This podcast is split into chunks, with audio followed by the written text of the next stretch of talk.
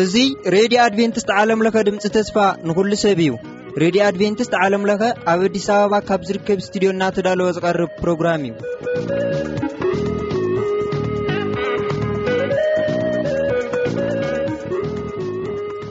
በብዘለኹም ምኸንኩም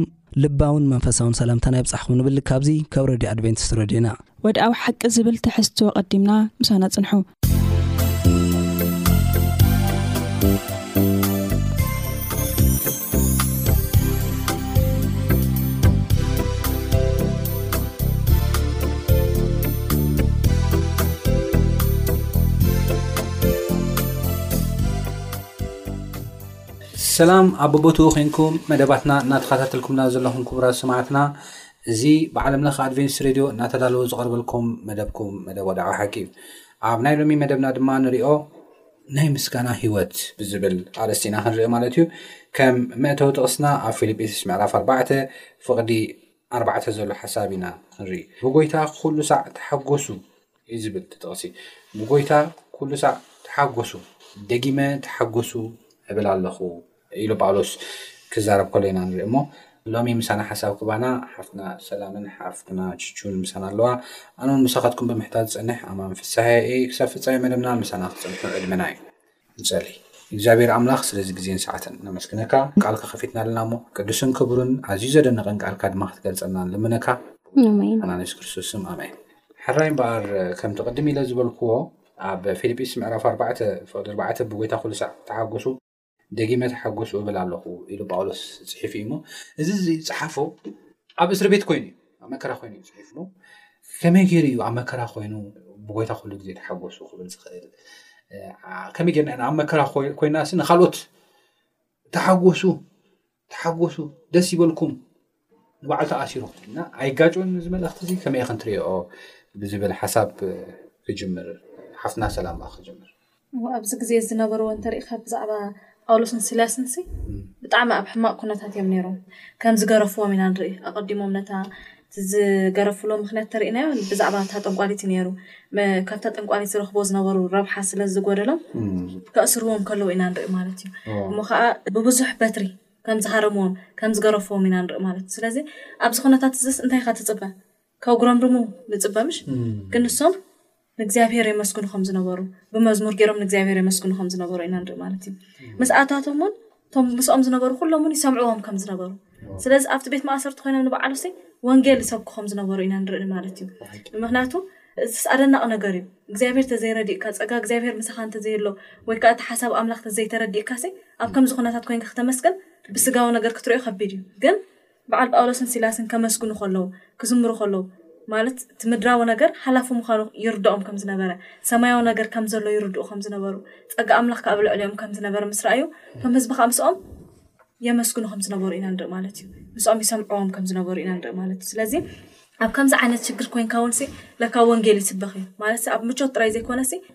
ናይ ምምስጋን መንፈስ ከም ዝነበሮ እሞ በቲ ምምስጋኖም ድማ እቲ ቤት ማእሰርቲ ከም ዝተነቐነቐ መቑሖም ድማ ከም ዝተሰብረ ኢና ንርኢ ማለት እዩ ስለዚ ናይ ምስጋና ሓይልስ ከምዚ እዩ እግዚኣብሔር ኣብ ነመስግነሉ ግዜ እግዚኣብሔር ድማ ልዕሊ ኣእምሮና ዝኾነ ነገር ከም ዝገብር ኢና ንርኢ ማለት እዩ እቲ መቑሖም ከም ዝተሰብረ ከም ዝተንቀጥቀጠ ኢና ንርኢ ማለት እዩ ስለዚ ሓይሊ ምስጋናስ ኣብዚ ንሪኦ ማለት እዩ ምስ እነመስግን እቲ ዘለና ጉዳይ እቲ ዘሸግረና ነገር እግዚኣብሔር ከም ዘፍርሶ ኢና ንዕዘብ ማለት እዩ እዋኡ ከዓ ምስጋና ማለት እዩ ምስጋና ስቲ ኣብ ዙርና ዘለዉ ነገር ይልውጥ ማለት ኣይኮነን ንኣና ግን ይልውጠና እቲ ሓደ ብተደጋጋሚ ዝዛረቦ መዝሙር ኣሎ ሕቶናተይ ከም ዘለዎ ይፅናሕ ነገረይ ከም ዘለዎ ይፅናሕ ንኣኻ ግን ከምልኽ እየ ዝብሉ ዘመርትኒኦውና እቲ ሕቶታትና እቲ ነገራትና ከም ዘለዎ ክኸይድ ይኽእል እዩ ማለት እዩ ግን እቲ ምስጋና እንታይ ይገብረና ምስ ንዓናስ ብኣምላኽሲ ሕጉሳት ክንከውን ምሉኣት ክንከውን እቲ ናቱ ዕቤት እናርኣና ክንሕጎስ እዩ ዝገብረና እሱ እዩ ንርኢ ኣብ ናብ ጳውሎስ ሂወት ማለት እዩ ብጣዕሚ ደስ ዝብል ሓሳብ ይክን ይኩና ናብ ጎይታ ይባርክ ቀፂ ደግን ሓፍትና ችቹ ምስጋና ሓይሊ ኣለዎ ምስ ምባል ኣታሒዙ ምስ ናይ ህዝቢ እስራኤል ከኣ ኣተሓሒዘ ክርኢ ይደሊ ህዝቢ እስራኤል እግዚኣብሄር ዝመርሖም ኣዝዩ ለምለም ብዝኾነ መሬት ኣይኮነን ሰሪሕዎም ዕንቅርቢትታውያን እሉ ዘለዎ ካልኣይ ድማ ክወርስዎ ዝተባሃለ ኣዝዩ ፅኑዕ ግንብታት ዝነበሮ ሓፁር ዝነበሮ ከተማታት ብኡ ይመሪሕዎም እሞ ድሓር ግን ኣብዚ ኣዝዩ ፅኑዕ ኣዝዮም ዘፍርሑ ሓያላት ወተሃደራት ዘለዎ ክሓልፉ ከልዎ ግን ሸውዓተ ግዜ ዜርኩምሲ ዓው ኢልኩም ጨድሩ ክብሎም ከሎ ኢና ንርኢ። እንታይ ማለት እዩ እዚ? እቲ ጥቕሲ ነውጽኦ እሞ ኣብ ኢያሱ ሓንቲ ክፍሊ ከንብብ ይደሊ። ካብኡ እቲ ሃሳብ ምንታን ብደንቢ ክርዳኣና ማለት እዩ። ኢያሱ ምዕራፍ ሓሙሽተ ክዓስር ሰለስተ ጀሚርና እንሪኦ እቲ ሃሳብ ሀዚ ዝበልካዮ እኒኦ ማለት እዩና ሕዚ ሓደ ሓደ ግዜ እምነትና ሲ ኣብ ልኾነ ክብ ሕዚ ሕዛ ዘላትና ዘለና እያ ስቲድዮ ሲ ክብ እያ ዋዶ ኣራት መኣዘን እያ እኒኣ ማለት ብቲ መንደቂ እኒ ብቲ ብቲ መንደቂ እዩ እኒኦ ማለት እዩ እምነትና ሲ ሓደ ሓደ ግዜ ሲ ከምኡ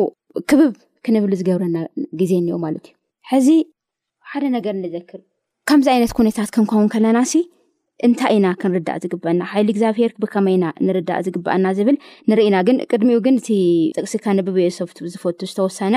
ክናንብቦ እዩ ልፎትና እያሱ ምዕራፍ ሓሙሽተ ሓሙሽተ ዓስር ሰለስተ ከምዚ ይብል፣ ኰነ ኸኣ፣ እያሱ ካብ ጥቓ ያርኮ ከሎ ኣዒንቱ ቃሕ ኣቢሉ ረኣየ፣ እንሆ ድማ፣ እተመልሐ ሰይፊ ኣብ ኢዱ ዘለዎ ሰብኣይ ኣብ መንጽሩ ደው ኢሉ ነበረ።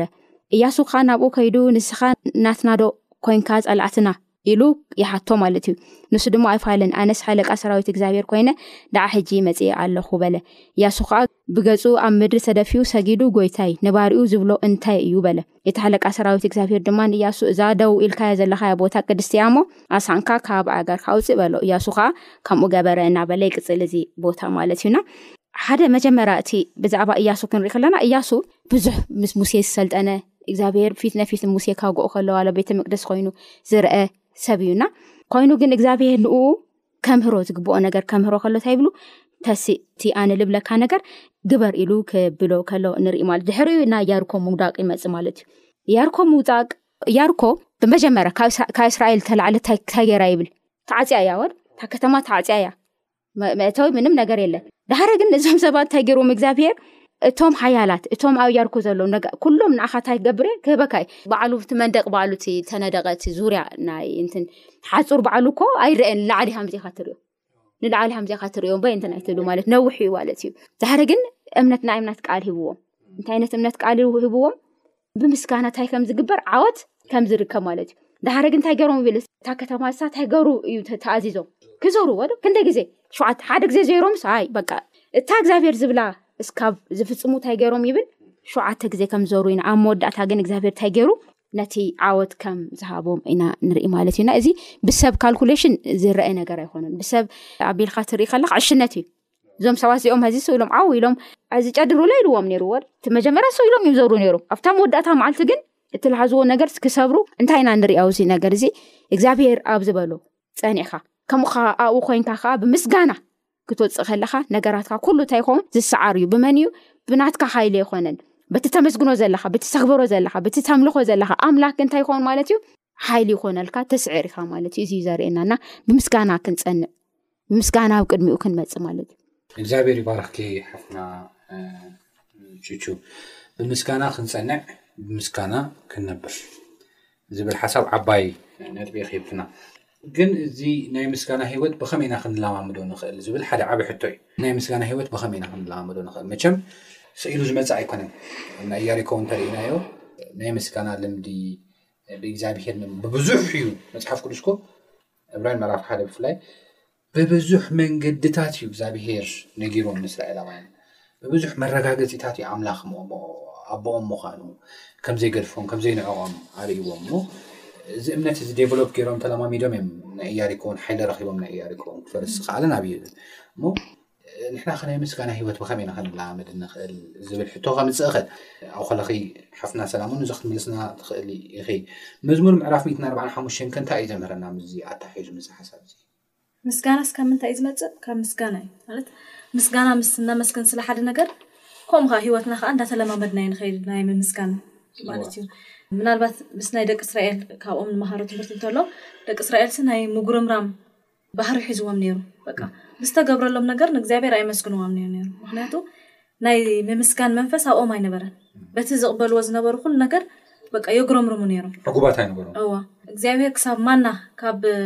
ሰማይ ዘውርድ እዩ ኣፍቂርዎም ኣዳልሎም ማለት እዩ ግን ነዚ እውን ከም ፅቡቕ ነገር ኣይረኣይዎን በቲ ዝገብረሎም ነበረ እግዚኣብሔር ስውን ሓንቲ ነገር ኣይዓግቡን እዮም ነይሮም ማለት እዩ ስለዚ ትእዛዝ እውን ኣይሕልውን ነይሮም እግዚኣብሔር ከዓ ብኦም ኣዝዩ ሓዘን ከም ዝነበረ እንደገና እውን ስለ ዘየመስግንዎ ስለ ዘይእዘዝዎ ዝነበሩ ከኣኒ በቃ ኣርባዓ ዓመት ዝኣክል ኣብ በረኻ ክዞሩ ከለዉ ኢና ንርኢ ማለት እዩ ስለዚ እቲ ምጉርምራም ኣብ መጽሓፍ ቅዱስና እውን ኣይተጉረምርሙ ይብለና እዩ ተርእና ማለት እዩ ስለዚ ምጉርምራም ብጣዕሚ ሕማቕ ባህሪ እዩ ማለት እዩ ኣብ ነጉረምርመሉ ነገር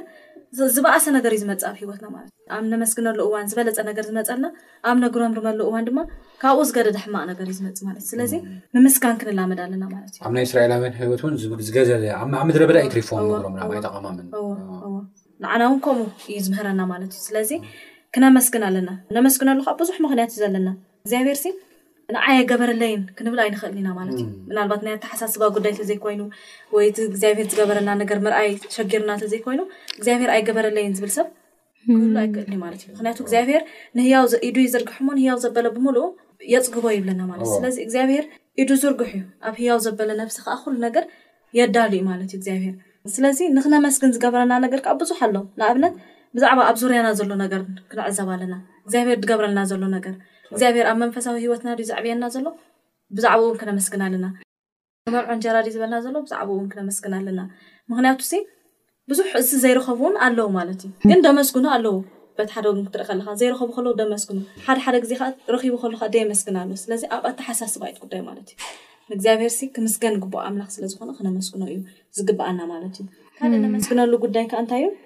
ብዛዕባ እቲ እግዚኣብሄር ዘሕለፈና ነገር እግዚኣብሄር ኣብዚ ውን እግዚኣብሄር እዚ ኣሕሊፍኒ ኣይፈልጥን'ዩ ዝብል ሰብ ዘሎ ኮይኑ ኣይስመዓንን'ዩ ማለት'ዩ። ሓደ እዋን በቃ ኣዝዩ ኣሸጋሪ ኩነታት ኔርና ክኸውን ይኽእል'ዩ፣ ግን እግዚኣብሄር ብተኣምሩ ካብቲ ኩነታት እቲ ከውጽኣና ርኢና ኢና ማለት ስለዚ እዚ'ውን ንእግዚኣብሄር ክነመስግነሉ ዝግበኣና ነገር'ዩ። እግዚኣብሄርሲ ክንርስዖ ኣይግበኣናን'ዩ እቲ ዝገበረልና ነገር። ነብስና ምናልባት ብዙሕ ግዜ ይርስዕ'ዩ እግዚኣብሄር ዝገበረልና ነገር ንርስዖ ኢና ግን ብዝተኻእለና መጠን እግዚኣብሄር ዝገበረልና ነገር ክንዝክር ከም ዝግበኣና ኢና ንርኢ ማለት'ዩ። ካልእ'ውን። ብዛዕባ እግዚኣብሔር ዝገበረልና ነገር ከኣ ክንዛረብ ኣለና ማለት እዩ። ኣብ ውሽጥና ጥራይ ጌርናዮ ዘይኮናስ ኣዝዩ ኣመስገንቲ ካብ ዝገብረና ሓደ ከኣ ንሱ እዩ ማለት እዩ። እግዚኣብሔር ከምዚ ጌርለይ ኢልና ብዛዕባ ዕቤት ኣምላኽ ብዛዕባ ተኣምራት ኣምላኽ ክንዛረብ ይግብኣና ማለት እዩ። ኣብዚ ኣብ መዝሙር ሚእትን ኣርብዓን ሓሙሽተን ከምኡ እዩ ዳዊት ዝዛረብ ዘሎ። እዚኣ ሚእትን ኣርብዓን ሓሙሽተን ኩሉ እቲ ጽሒፍዎ ዘሎ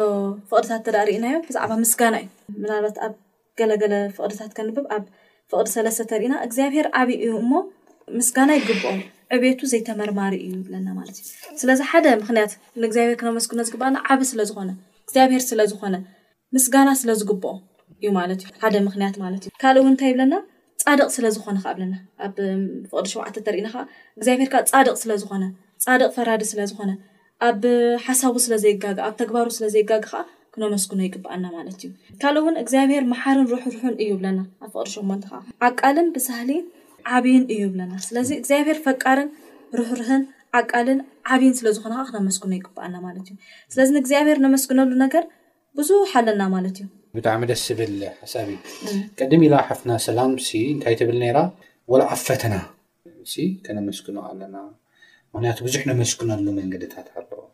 እንተ ርእና እንተ ኣስተውዒልናዮ ሲ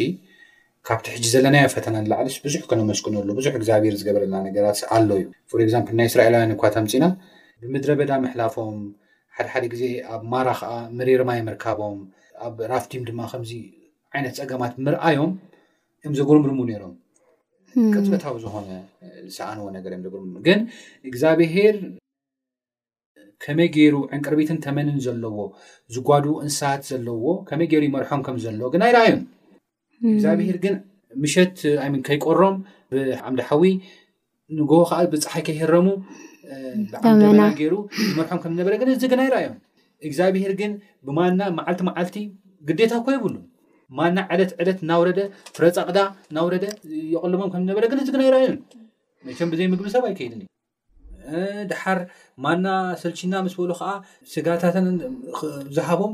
ግዴታ ይብሉ ስለዘፍቅሮም እዩ እና ከምታ ሰላም ንሓፍትና ዝበለቱ እዚ ሕጂ በፂሕካ ዘሎ በፅሕኪ ዘሎ ፈተና ኣዝዩ ከቢድ እኳ ተኾነ ንክተጉርምርም ዝገብር ነገር ከተኾነ ካብኡውን ላዕሊ ግን ከነመስግን ዝገብር ነገር ኣለዎ ንምባል ዘለ እሞ ምስ ተሓሒዙ ናይ ጳውሎስን ናይ ሲላስን ሂወት እስከ ንርሓፍና እወ ጽቡቕ ሕዚ እዞም ጳውሎስን ሲላስን ኣብ እስሪ ዘእተዎ ምክንያት ኣለዎ ዶ ኣጥፊኦም ኣይኮነን ብሽም እግዚኣብሄር ስለ ዝሰርሑ ሓይሊ እግዚኣብሄር ስለ ዝገለጹ እዮም ናብ ማእሰርቲ ኣትዮም እና ኣብ ግብሪ ሃዋርያ ምዕራፍ ዓስር ሽዱሽተ ካብ ዓስር ሽዱሽተ ጀሚርና ኢና እዚ ታሪክ እዚ ንረክብ ድሓረ እቶም ደቂ እግዚኣብሄር ናብቲ ቦታ ምስ ኣተዩ ከምዚ ኮይኑ ይብለና ኮነ ድማ ናብቲ ጸሎት ዝግበሮ ክንኸይድ ከሎና መንፈስ ጥንቆላ ዘሎ ንጎይታ ከዓ በቲ ጥንቋላ ብዙሕ እተብረሖም ዝነበረት ንጎይተታ ጎይተታ ማለት ጎይታ ተዘይኮነስ ንጎይታ ይኮን ተገልግል እዚኣ ንጎይተት ጎይተት ነይሮማ ንዓ ተገልግል ማለት እዩና ብዙሕ እተብረሖም ዝነበረት ገዛኢት ተጓነፈትና ይብል ማለት እዩ እዚ ሓንቲ ጠንቋሊት ሰብ ከም ዝተጓነፈቶም ንርኢ ማለት እዩና ነታ ጠንቋሊት ከዓ ብጎይታ ብየሱስ ክርስቶስ ሽም ኣቢሉ ነቲ ኣብ ውሽጣ ዘለዎ መንፈስታይ ከም ዝገበረና ንርኢ ከም ዘውፀእኒ ኢና በዚ ምክንያት እዚ ናብ ማእሰርቲ ከም ዝኣተዩ ንርኢ ኢና ማለት እዩ ብጥራሕ ስእሉ ማእሰርቲ ኣይኮነ ተዳጉኖም መጀመርያ ደብዲቦሞም እዮም ወቅዖሞም ብደንብ ገይሮም ወቂዖሞም ገሪፎሞም ካብ ወሲዶም እንታይ ገይሮም ናብ ማእሰርቲ ደብሪሞ ማለት እዩ ገሪፎም ወቅዖሞ ጥራሕ ተዘይኮነስ ነቲ ዝገረፍዎ ዝቆሰለ ሰውነቶም ካብ ወሲዶም ምስ ጉንዲ ኣብ ቤት ማእሰርቲ እንታይ ገይሮም ኣጣቢቆም ከም ዝኣሰርዎ ኢና ንርኢ ማለት እዩ ኣብቲ ግዜ ሱ ኣብቲ ቁፅሎም ዘይቲ ዘፍስስ መንም ሰብ ኣይነበረ ምስ ቁስሎም እዮም ዘሎ ብዓብይ ዝኾነ ህማም እዮም ዘለው ብኡ ከዓ ኣእጋሮም ምስ ጉንዲ እንታይ ገይሩ ጥርቅን ማቢልካ ተኣሲሩ ከም ዝነበረ ኢና ንርኢ ማለት እዩና እዚ ኩሉ ኮይኑ ከሎ ጳውሎስን ስላት እንታይ ገይሮም ይብል ይዝምሩ ነይሮም ይብል እቲ መዝሙሮም እንታይ እዩ ነይሩ እንድዒ መቸም ካምቲ ላርኣና ከም ልመፃናዮ ዕቤት እግዚኣብሄር እዩ ዝኸውን ማለት እዩ ነቲ እሱ ኣብ ሂወቶም ዝገብር ዘሎ ስራሕ እዩ ዝኸውን ማለት እዩ ነቲ ናታቶም ስቃ ኣይኮነን እግዚኣብሄርሲ ነታ ጥንቆላ መንፈስ ዝነበረ ሰብ መንፈሳ ንክርዩን ነቲ መንፈስ እሱ ነከብሉ ነዛ ሰብ እዚኣ ነፃ ካውፅኡን ስለዝገበሮም በቲ እግዚኣብሄር ንኦም ኣብ ሰርሖም ስራሕ ተደሪኾም ይዝምሩ ከም ዝነበሩ ኢና ንርኢ ማለት እዩና ድሓር እቲ መሬት እንታይ ገይሩ ይብል መሬት ተንቀጥቀጠ ይብለና ንባዕሉ እኮ ብዛዕባ እስር ቤት ክንርኢ ከለና ዝሰሓፍናቹ ነጥቢ ጥቕስና ተሪእኺዮሲ ኣብ ከምዚ ዓይነት እስራት ኮይኖምሲ ነቶም ዝፅሕፉሎም ዝነበሩ ደብዳቤስ ብጎይታ ኩሉ ሳዕ ተሓጎሱ ደጊመ ይብል ኣለኹ ተሓጎሱ እዚ ሞስት ፕሮባብሊ ተኣሲሮም ከለዉስ ምናልባት ናይ ምስጋና ናይ ሓጎስ መዝሙር ክኸውን ይኽእል ኢለ ይግምት ምናልባት መዝሙር ኣይተነገረናን መዝሙር ግን እቲ ካብቲ ደብዳቤ ኣብ እስሪ ቤት ኮይኖም ኣብ ስቃይ ኮይኖም ዝፀሓፍሎም ደብዳቤ ብጎይታ ተሓጎሱ ትክክል ከይትጠዓሱ ብጎይታ ምሕጓስ ማለት ከዓ እዚ እዩ ምዃኑ ማለት እዩ እዚ ስጋዊ ነገርካ እዚ መቸም ቁስሊ ቆሲልካ ሲ ዋይ ፈውሰኒ ዳህሰኒ ብሽምካ ሳም ዝኾይነ እየ ራየኒ ባዚ ንዓ መፃእ ገለ ኢካ ትብልዎ ዶ ቆሲሉ ነፍስካ ላደመየ ገለስ ክትዝምር ኣይመፀልካን እዩ ከመይ ኢሉ ይመፀልካ ሓና ኣብቲ ኣብ ጥቃና እኒኦ ኣምቶ ሰላም ሃፍትና ትብል ፀኒሓ ሃፍትና መጀመርያ ክፍልና እና እንታይ እዩ እቲ ኩነታት እናትካ እዩ ዝረአካ እቲ ዝለለካዩ ስቃ እዩ ዝረአካ እሞ ኣብቲ ስቃይካ ከዓ ንዓብፀሐለይ ገሌ ካ ትብል ንጎይታ ማለት ምስጋና ግን ካብኡ ልዕሊ ምኳኑ ልዕሊ ክዚ እንዛረቦ ነገር ከም ዝኮነ ኢና ንርኢ ድሕሪኡ እቲ መሬት እንታይ ገይሩ ይብል ተንቀጥቀጠ እቲ ማእሰርቲ ዘለው ሰብ ኩሉ ከዓ እቲ መቑሒት ተኣሲሩ ዘነገር ኩሉ ተፈትሑ ማለት እዩ እቲ በሪ እውን ተከፊቱ ዳሓረ ግን እቲ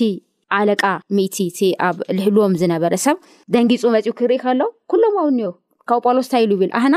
ናበይ ማይኸድናን ኣለና ኩለና ስለዚ ንባዕልካ ምንም ከይትገብር ኣብስኻ ከይትጎድእ ክብል ከሎና ንሪኢና ዕላማ እዚ ነገር እዚ እንታይ እዩ ኣብ መወዳእታ እንታይ እዩ ኮይኑ ይብል እቲ ሰብ እሱ እንታይ ገይሩ